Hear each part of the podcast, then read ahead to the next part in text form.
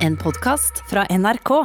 Jeg er veldig glad for at jeg ikke verken er helseminister, Folkehelseinstitutt eller helsedirektorat som eh, er satt til å gi anbefalinger om nordmenn bør få en tredje dose med vaksine. Det er en vanskelig avveining, all den tid vi vet hvor skjevfordelte vaksinene i verden er.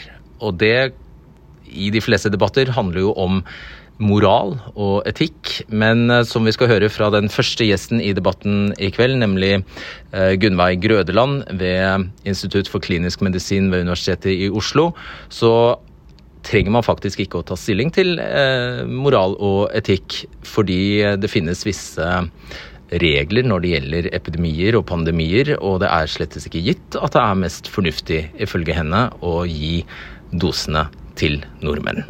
Så spiss ørene, her er det mye å lære.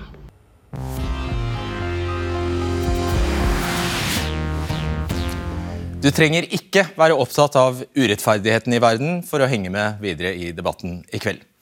Det holder at du er opptatt av hva som virkelig kan true de eldste og svakeste i Norge.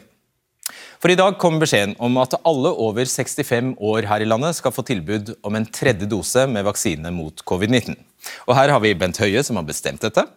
Vi har Geir Bukkholm, som eh, anbefalte det.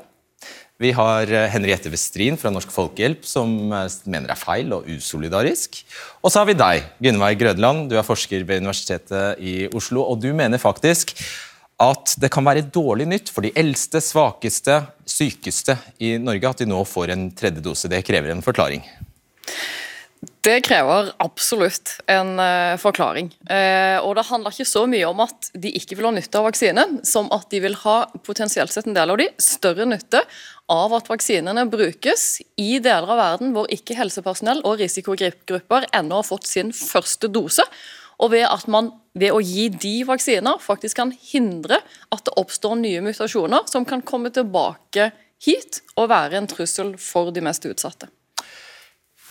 Ja, dette må vi ta sakte. Det er altså eh, La oss ta det, eh, ta det mest basic først. Det er visse omstendigheter som gjør at virus trives, trives ekstra godt. Spesielt to omstendigheter. Hva er det? Det stemmer. Eh, det aller første er jo hvis du har en eh, befolkning eh, som ikke har noen immunitet, og hvor viruset får spre seg veldig fritt. Da har du grobunn for at viruset kan mutere seg. Det andre er faktisk i enkeltindivider som har reduserte immunresponser. Som ikke klarer å fjerne viruset raskt nok til at infeksjonen går over og i løpet av kort tid. Sånn at du får en sånn forlenga infeksjon og som igjen gir viruset mulighet for å formere seg. Og Jo mer viruset formerer seg, så jo flere mutasjoner blir det. Mm. Og Begge disse forutsetningene finner vi nå f.eks. i Afrika, der det er veldig veldig få som er vaksinert. Det stemmer. Og så skal du ha meg unnskyldt, fordi nå skal jeg spørre om noe jeg knapt skjønner svaret på, men vi prøver. Vi gjør et forsøk. Det har vært altså mye snakk om antistoffene og at nivåene av antistoffer ser ut til å synke veldig fort. Faktisk Etter sju måneder så er det noen rapporter som sier at eh, nivået var helt ned på 15% Du, og Derfor sier jo mange at oi, vi trenger en tredje dose. Men du sier det, det er rett og slett feil. Ja, det er uh, feil. Altså Vaksinene, når du vaksinerer, hensikten med de er rett og slett å få danna immunologisk hukommelse. Eh, og eh, vel, Det første som skjer når du vaksinerer, er at du får antistoffer som eh, går opp i nivå, og så går de ned igjen. Det skjer med alle vaksiner. Det du forsøker å få dannet, er altså hukommelsesresponser som neste gang du møter enten en vaksine eller virus, så ligger de klar i immunsystemet ditt og husker hvordan viruset så ut. Og så danner de raske og beskyttende både antistoffer og T-celler for igjen å beskytte deg når du har behov for det. Og denne hukommelsen, når oppstår den? Etter første dose, andre dose? Hva vet vi? Den oppstår eh, det varierer litt, men den oppstår i utgangspunktet etter første dose, men blir mye bedre etter eh, andre dose. Sånn at det vi vet er at Etter to doser så får du en veldig god og langvarig hukommelsesrespons som beskytter deg, til tross for at antistoffnivåene går ned. Så den responsen som du kaller det, den blir ikke trippelt så god med tre doser? Jo, men spørsmålet er hvor god skal du egentlig eh, ha den? Altså Du når et nivå hvor eh, nok er nok, og hvis du får over, vel da havner du over, men du har allerede oppnådd god beskyttelse. Du har ikke bruk for den? Eh, du har ikke bruk for ytterligere beskyttelse. Det sagt, så gjelder ikke det nødvendigvis de aller mest utsatte i samfunnet. Altså Risikogrupper, inkludert de aller eldste, de vil kunne ha god nytte av en tredje dose. Så her er det ikke én sannhet uten modifikasjoner. Mm. Men det du nettopp sa var at for de fleste av oss, vi som i utgangspunktet er friske, mm. vi har ikke bruk for en tredje dose, fordi det er ikke antistoffene som teller, det er hukommelsen som teller, og den har man allerede fått etter to doser. Den har vi fått, og alt vi har av data, både i Norge og internasjonalt, tyder på at den vanlige befolkningen vi er svært godt beskytta etter to doser med denne vaksinen, spesielt mot alvorlig sykdom og død. Og hvis vi i den eh, friske delen av befolkningen skulle få en mild infeksjon, så tåler vi det veldig godt. Det gjør vi òg eh, hvis vi får influensa eller forkjølelse. Og så tror jeg du skal gi, det, gi oss det inn med teskje. I verden er nå 34 eh, ferdigvaksinert. I Afrika er bare 4,4 eh, vaksinert eh, med første dose. Der bor det 1,4 milliarder mennesker. Hva er sammenhengen mellom tredje dose i Norge, som vi nå snakker om, og Afrika? Vel, altså Jo flere doser du har til å bruke i Afrika, i større grad vil du kunne redusere sannsynligheten for at det oppstår mutasjoner som kan komme tilbake til oss. Og I tillegg så får du jo faktisk en mer sånn etisk eh, rettferdig fordeling av vaksinene, ved at vi faktisk òg sørger for at andre får den beskyttelsen som vi har, og har hatt en god stund nå. Spiller tiden en rolle her? Haster det? Um, ja og nei. Uh, for uh, de aller mest utsatte gruppene så tenker jeg det er fornuftig å komme i gang med den uh, tredje dosen relativt raskt. Men for en frisk 65-åring så haster det på ingen måte, og jeg er ikke helt sikker på om en frisk 65-åring egentlig har bruk for denne vaksinen. Men vil det haste for å unngå det du redselsfullt nok beskriver som en overføring av nye mutasjoner fra Afrika til eh, Vesten f.eks. Vil det haste å få dem vaksinert? Og unnskyld. Det haster i Afrika. Det okay. gjør det definitivt. Og Hvis alle rike land ga vaksinene sine til fattige land, ville det gitt alle innbyggerne i rike land, unntatt disse risikogruppene som du beskriver, ville det gitt alle disse innbyggerne i rike land bedre beskyttelse enn om de fikk dose tre? Um, ja, eh, det er en god mulighet for det. Samtidig så er det sånn at vi vet selvsagt ikke hva framtiden eh, bringer. Så det kan jeg faktisk ikke si eh, helt sikkert. Men med det vi vet i dag, så er vaksinene svært gode mot alvorlig sykdom i den friske delen av befolkningen. Og det vil være en større trussel for oss hvis det kommer en ny variant av det viruset, enn hvis vi skulle vel, få en ny vaksine. Er det stor uenighet blant dere fagfolk om dette? Nei, det har jeg faktisk ikke registrert at det er. Det er litt sånn nyanseforskjeller, men uh, hovedtrekkene er egentlig de aller fleste rimelig enige om. Og så har vi hørt FHI si i dag, og jeg tipper at uh, Bukom kommer til å gjenta det, at det er veldig lite sannsynlig uh, at det kommer en ny mutasjon eller som disse vaksinene ikke biter på i det hele tatt. Men er det, er det, det er jo ikke de friske nordmennene som skal frykte mutasjonene mest. Hvem er det som skal frykte dem aller mest? Det er eh, risikogruppene. Eh, og Der har eh, FHI og Bukkholm helt rett. fordi de vaksinene som vi har nå, de gir en veldig god T-cellerespons. Og T-celler det er celler som tar og angriper celler i kroppen vår som er infisert av virus, og kontrollerer infeksjonen på den måten. Og De T-cellene de blir dannet etter vaksinering med de vaksinene som vi bruker nå. Og de er svært gode til å gjenkjenne en stor bredde av varianter. Så T-cellen er det samme som du kalte hukommelsesceller? Nei, hukommelse kan være både antistoffer og T-celler. Men eh, det er bare forskjellige armer i uh, immunsystemet, egentlig. Og jo flere armer vi får aktivert, jo bedre hukommelse får vi. Ok, uh, og Så beskjeden til Bent Høie fra deg, det er at uh, det er egentlig dårlig nytt for de over 65 år at, nå, at han nå gir dem en tredje dose? Det er ikke verdens beste nyheter for de som er over 65 år og ellers friske, uten eh, underliggende årsaker som tilsier at de ellers burde ha fått en tredje dose. Visste du dette, Bent Høie? Ja, jeg oppfatter ikke at det egentlig er så veldig stor forskjell på det som sies her og det som også sies fra, fra FHI, men det handler jo om, også, som du er inne på, hvilken risiko er en villig til å ta.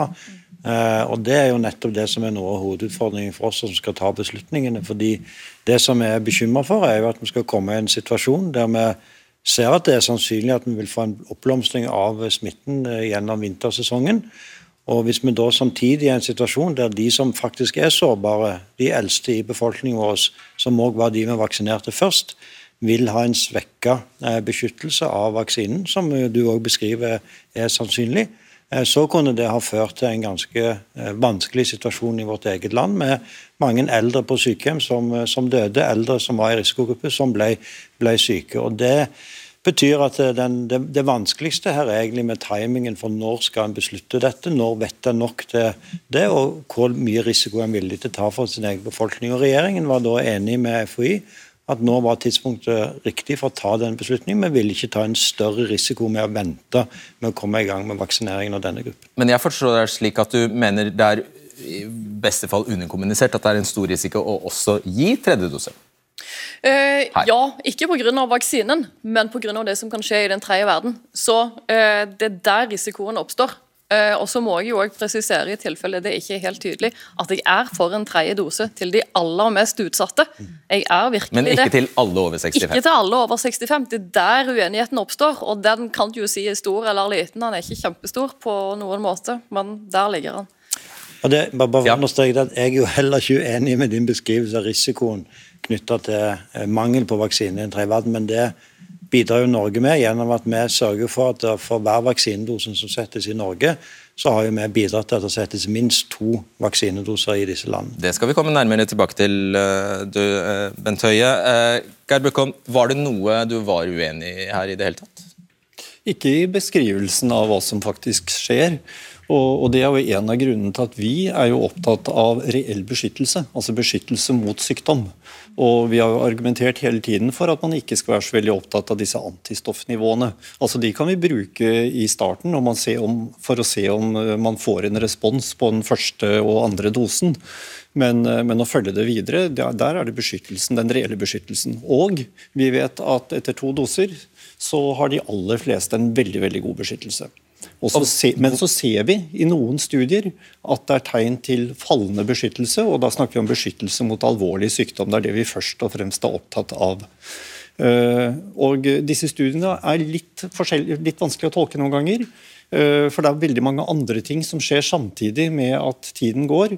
Og det gjør at det er vanskelig å være sånn helt entydig på hvilke alderskategorier som virkelig trenger denne tredje dosen. Og Da er jo Grønlands poeng at så lenge vaksiner er et knapphetsgode i verden, og vi vet det er en reell fare for mutasjoner, så, være, så er det bedre å sende sende de dosene til utlandet enn å vaksinere alle over 65?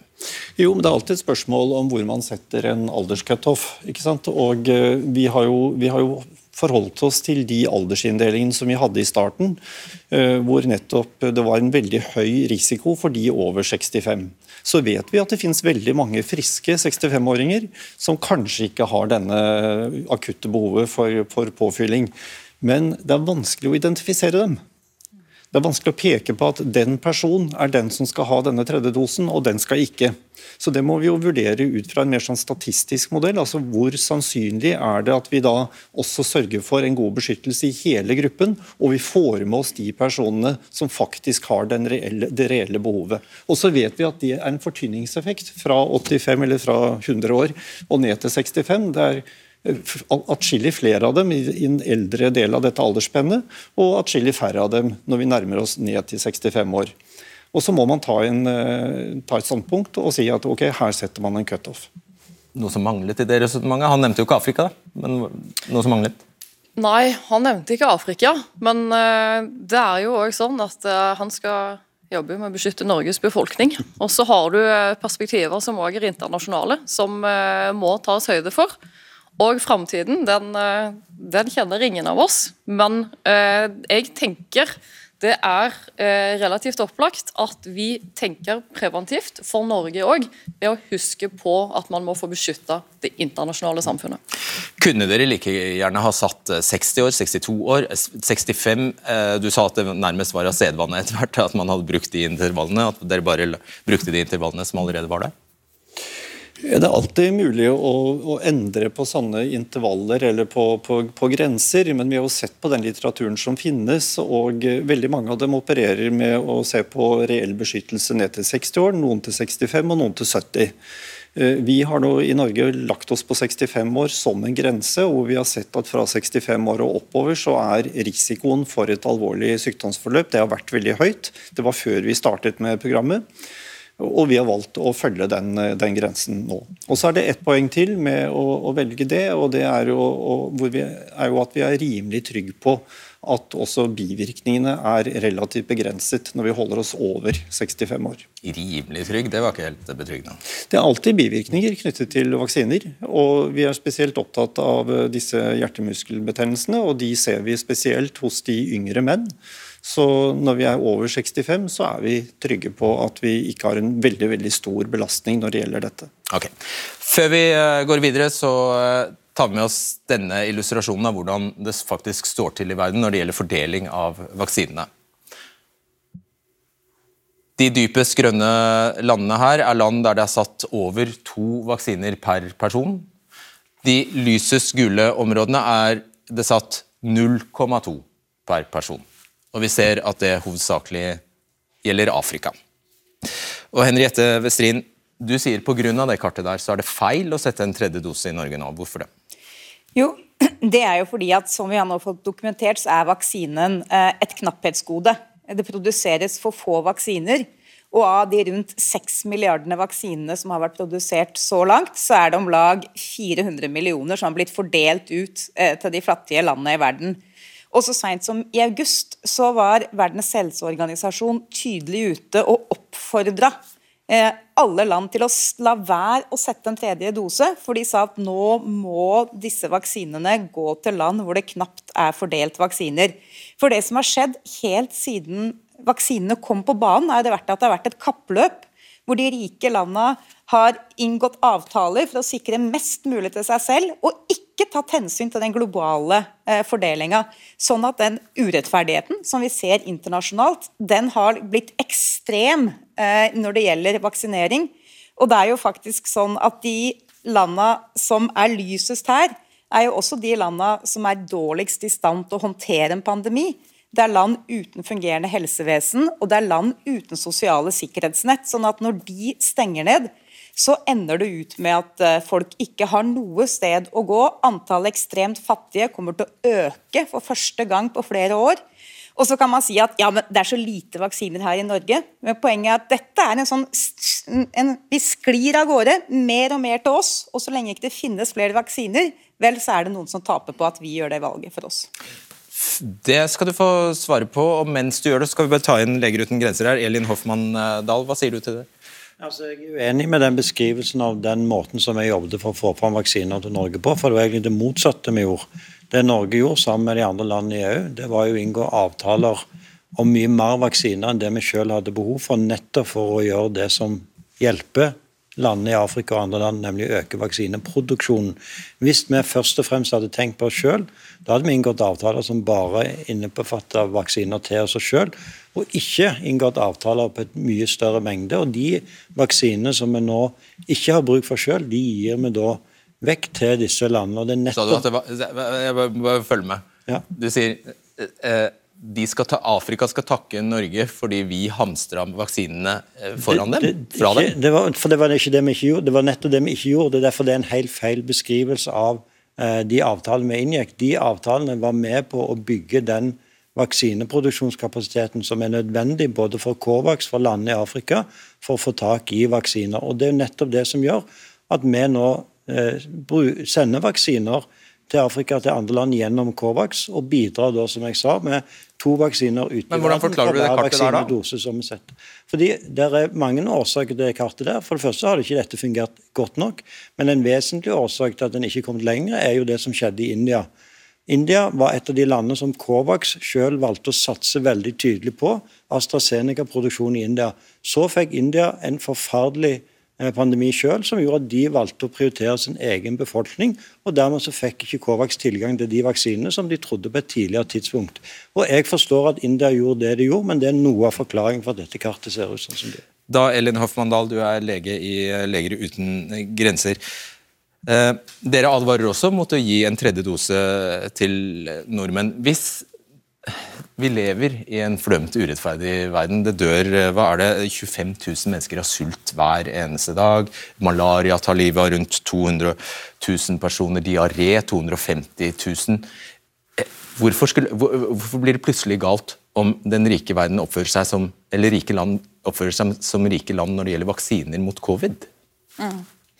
Som du sier, så er dette en pandemi som har forsterket den globale urettferdigheten som vi alle ser allerede. Og jeg synes jo Det er fint at eh, helseministeren her fremmer nettopp det som vi syns er en av utfordringene. og Det er at det ikke er flere land som har muligheten til å produsere disse vaksinene. Og at man har nettopp basert seg på veldig få vaksineprodusenter. Da vil jeg jo støtte Norsk Folkehjelp her som sier dette med patentfritaket. Der Norge er en av de få landene i verden som fortsatt er imot mot dette patentfritaket, og så blokkerer andre land, som Sør-Afrika og India, til å vaksinere sin egen befolkning ved at de selv kan produsere vaksiner. Og jeg må jo si at Vi legger altså, vi er jo ikke imot en tredje vaksine, eller en boostervaksine, som vi sier, men det handler om tidspunktet som man gjør dette på. Og jeg må jo si at jeg er uenig med helseministeren, fordi hvis man har en vaksinedose, så kan man ikke gi den til to personer. Så bruker vi flere vaksinedoser her i Norge, om det er 800 000 for å vaksinere de over 65 år, så vil det si at det er 800 000 færre vaksinedoser globalt. Og Ekspertene er helt tydelige på at hvis vi skal stanse denne pandemien, og det tror jeg alle her er enige om, vi er ganske lei av å stå i dette her, så er det aller viktigste vi kan gjøre, det er å gi en første vaksinedose til de som er uvaksinerte globalt, framfor å gi en bostaddose her i Norge. Ikke sant? Det, er, det, det virker som at dere bare rett og slett ikke eh, låner øret til FN, som dere ellers uh, insisterer på at vi skal følge i alt og ett. FN, Verdens helseorganisasjon, har sagt nettopp det hun sier nå. Stans, ikke gjennomfør tredje dose. I, uh, ikke gjennomfør tredje, tredje dose, vent.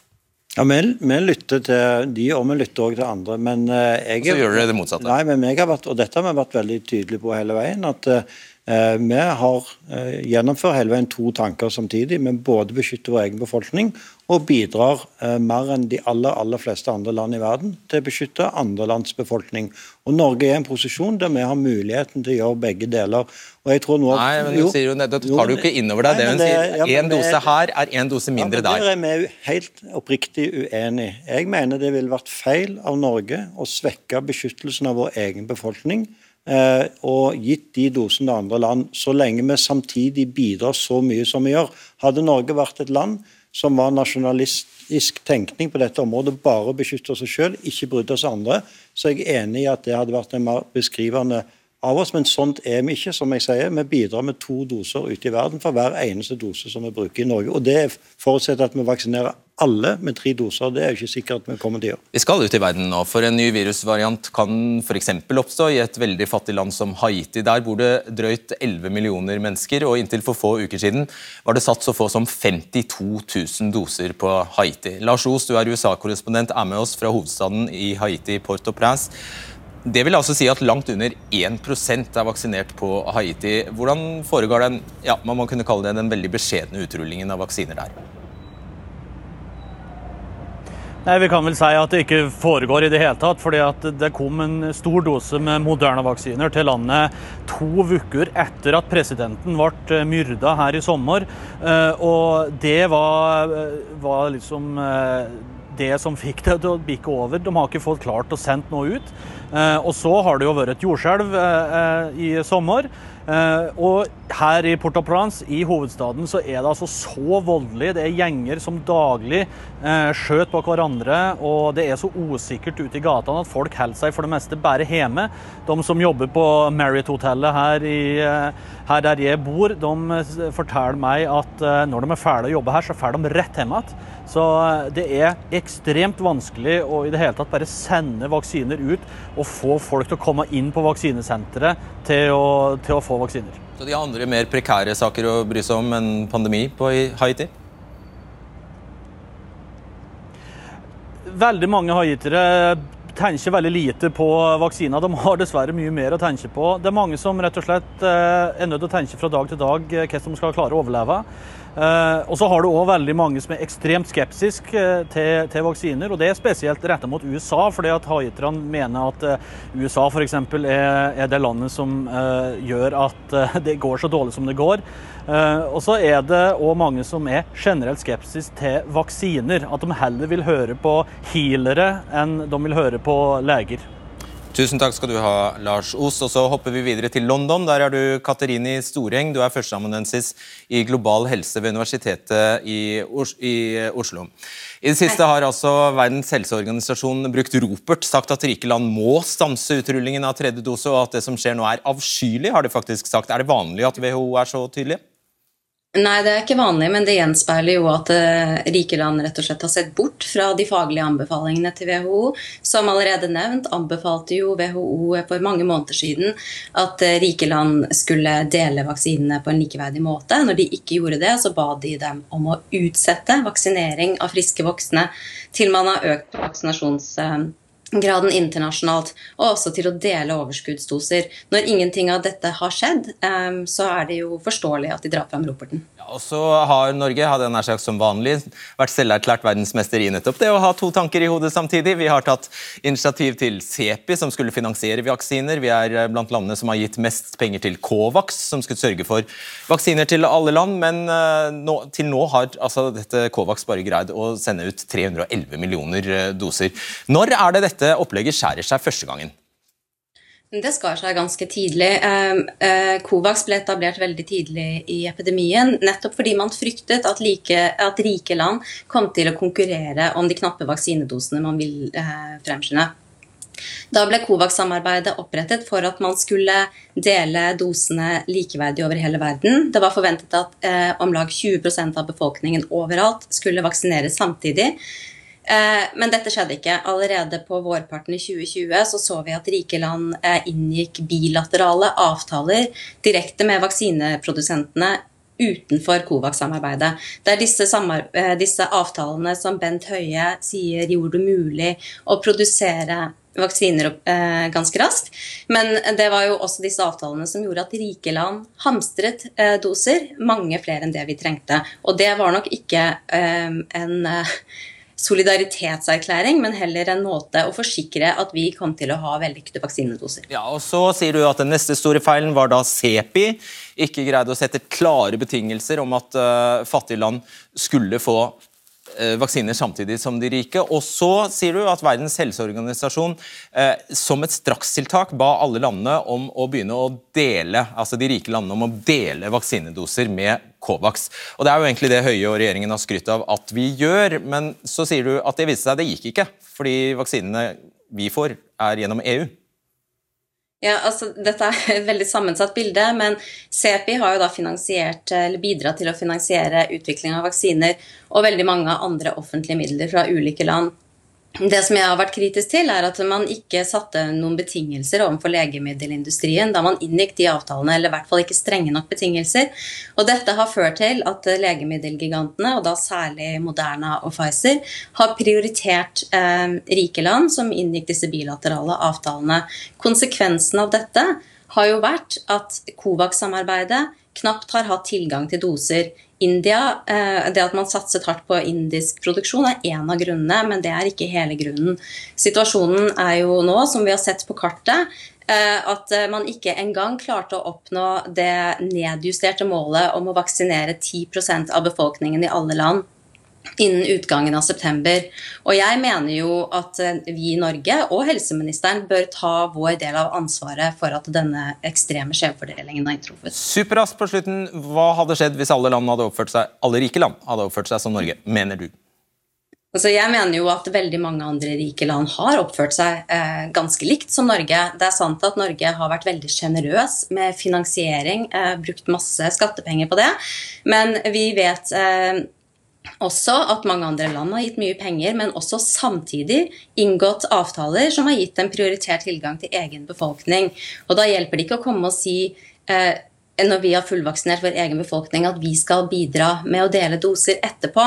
Eh, vi har også gjort for lite for å oppskalere vaksineproduksjon globalt. Vi har ikke levert på løfter om å, om å dele våre overskuddsdoser. Nå sier Høie at vi skal bidra til 31 millioner doser, men foreløpig har Norge kun levert under 1 million av de 5 millioner dosene som tidligere har blitt lovet. Og vi har ikke noe innsyn i, i hvorfor det har skjedd, eller um, okay. noe tidfestet forpliktelse til viderelevering. Hjertelig takk, Katerini Storing. Ja, 31 millioner doser har du sagt at Norge skulle bidra til. Hvor mange av disse 31 millioner dosene er faktisk satt i armen på noen? Ja, det er ganske mange. Det er jo en, over, nå I løpet av morgendagen så er det en million av de dosene som vi ikke bruker selv, som har gjennom EU-samarbeid, som er distribuert til landene. Men én av 31 millioner? Jo, også, Hvis jeg da får fullføre ja, resonnementet mitt, så det er vel det som er hensikten med spørsmålene, regner jeg med, ja. Eh, så, så, er det sånn at Eh, de 25 millioner dosene som vi finansierer, mange av de er jo satt allerede. Eh, og så er det også sånn at De dosene som jeg har vært her i studio måtte forsvart at vi har eh, gitt videre, nemlig de avtalene vi gjorde gjennom Covax, de 1,7 millioner dosene, de er òg en del av de er at Det er jo doser som er, der vi kjøpte vaksine gjennom Covax, men har sagt at de har vi ikke behov for, så de kan en bruke i andre land. Og Jeg har måttet vært her i studio hos deg flere ganger og forsvart at vi gjorde det, og ikke brukte de her i Norge. Jeg tror jeg vakt at jeg husker ja. Egentlig så skulle jo dere ha stått i et TV-studio i et helt annet land og skutt på en helt, helt andre regjeringer og regimer enn den norske. Vi gjør jo begge deler, vi. Norge gir med den ene hånda uh, og tar med den andre. Uh, og uh, det, det, fremstår jo nå som om Norge har reddet verden med å kjøpe flere vaksiner enn man trenger. Men det var jo ikke for lite etterspørsel etter vaksiner. Det er jo sånn at En rekke fattige og mellominntektsland er jo desperate fordi de ikke får lov til å kjøpe vaksiner. De ønsker å kjøpe det. Så vi har jo inngått avtaler som, til mer enn egen befolkning på bekostning av noen andre. Eh, og det gjør vi fortsatt. Eh, så lenge vi tar imot mer vaksiner enn vi trenger, så er det andre som ikke får muligheten ikke til å kjøpe de.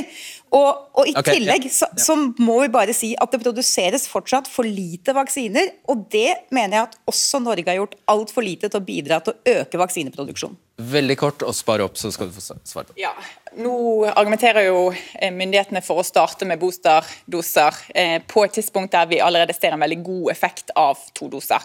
Men det vi ser, Hvis vi ser på tallene, eh, så ser vi at f.eks. hvis man hadde klart å utsette boosterdosen i USA fra åtte måneder til å gi det istedenfor på ett år, og gitt de dosene et annet sted, sant?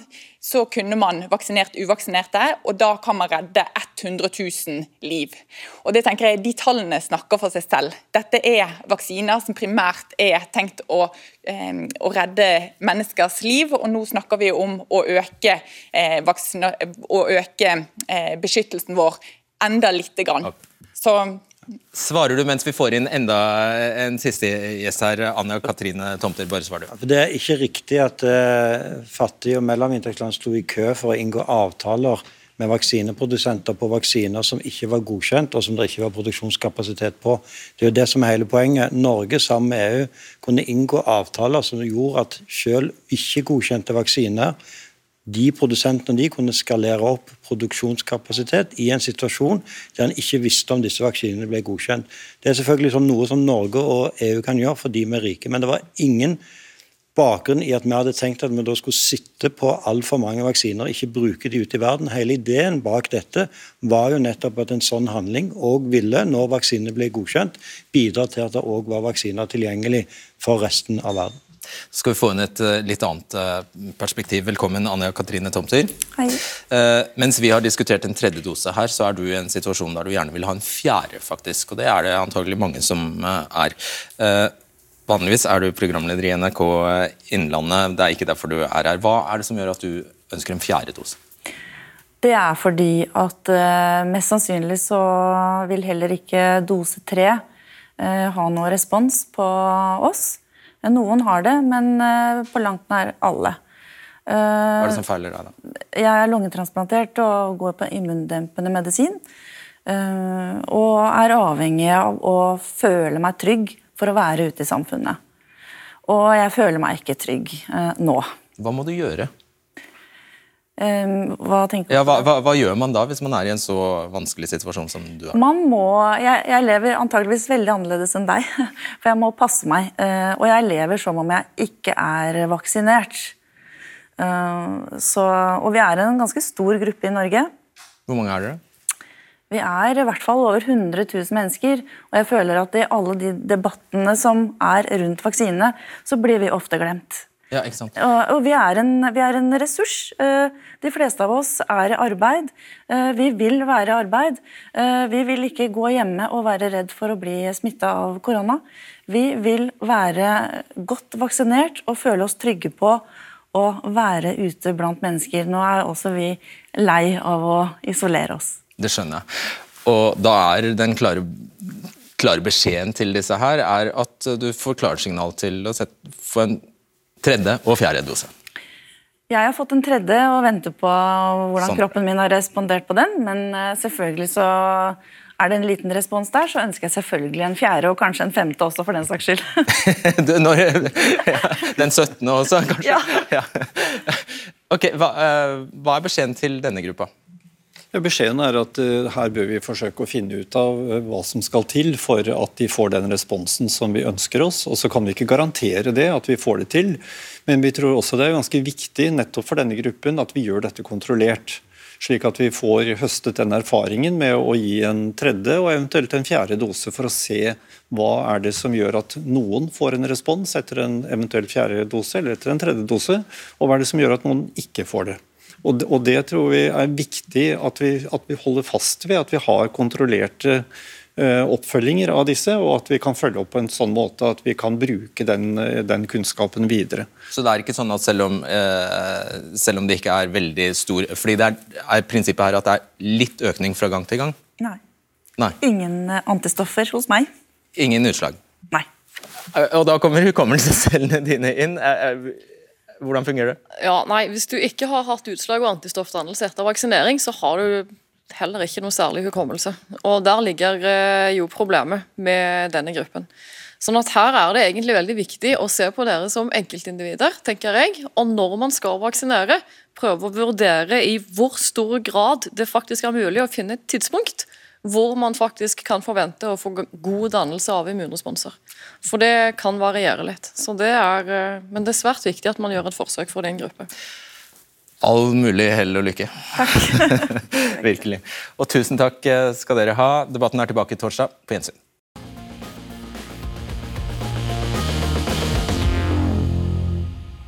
Jeg er veldig glad for at eh, Anja Katrine Tomter ville ta turen til oss. og Jeg er glad fordi hun jo fyller ut bildet og for så vidt gjør eh, avveiningen enda vanskeligere når det gjelder eh, tredje eller fjerde eller femte dose.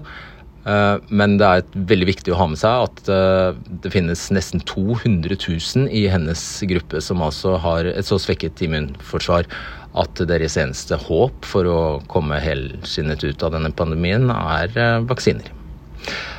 Ja, tror vi avslutter der. Glad for at du hører debatten på podkast, og så høres vi igjen på torsdag. Ha det bra. Du har hørt en podkast fra NRK. Hør flere podkaster og din NRK-kanal i appen NRK Radio.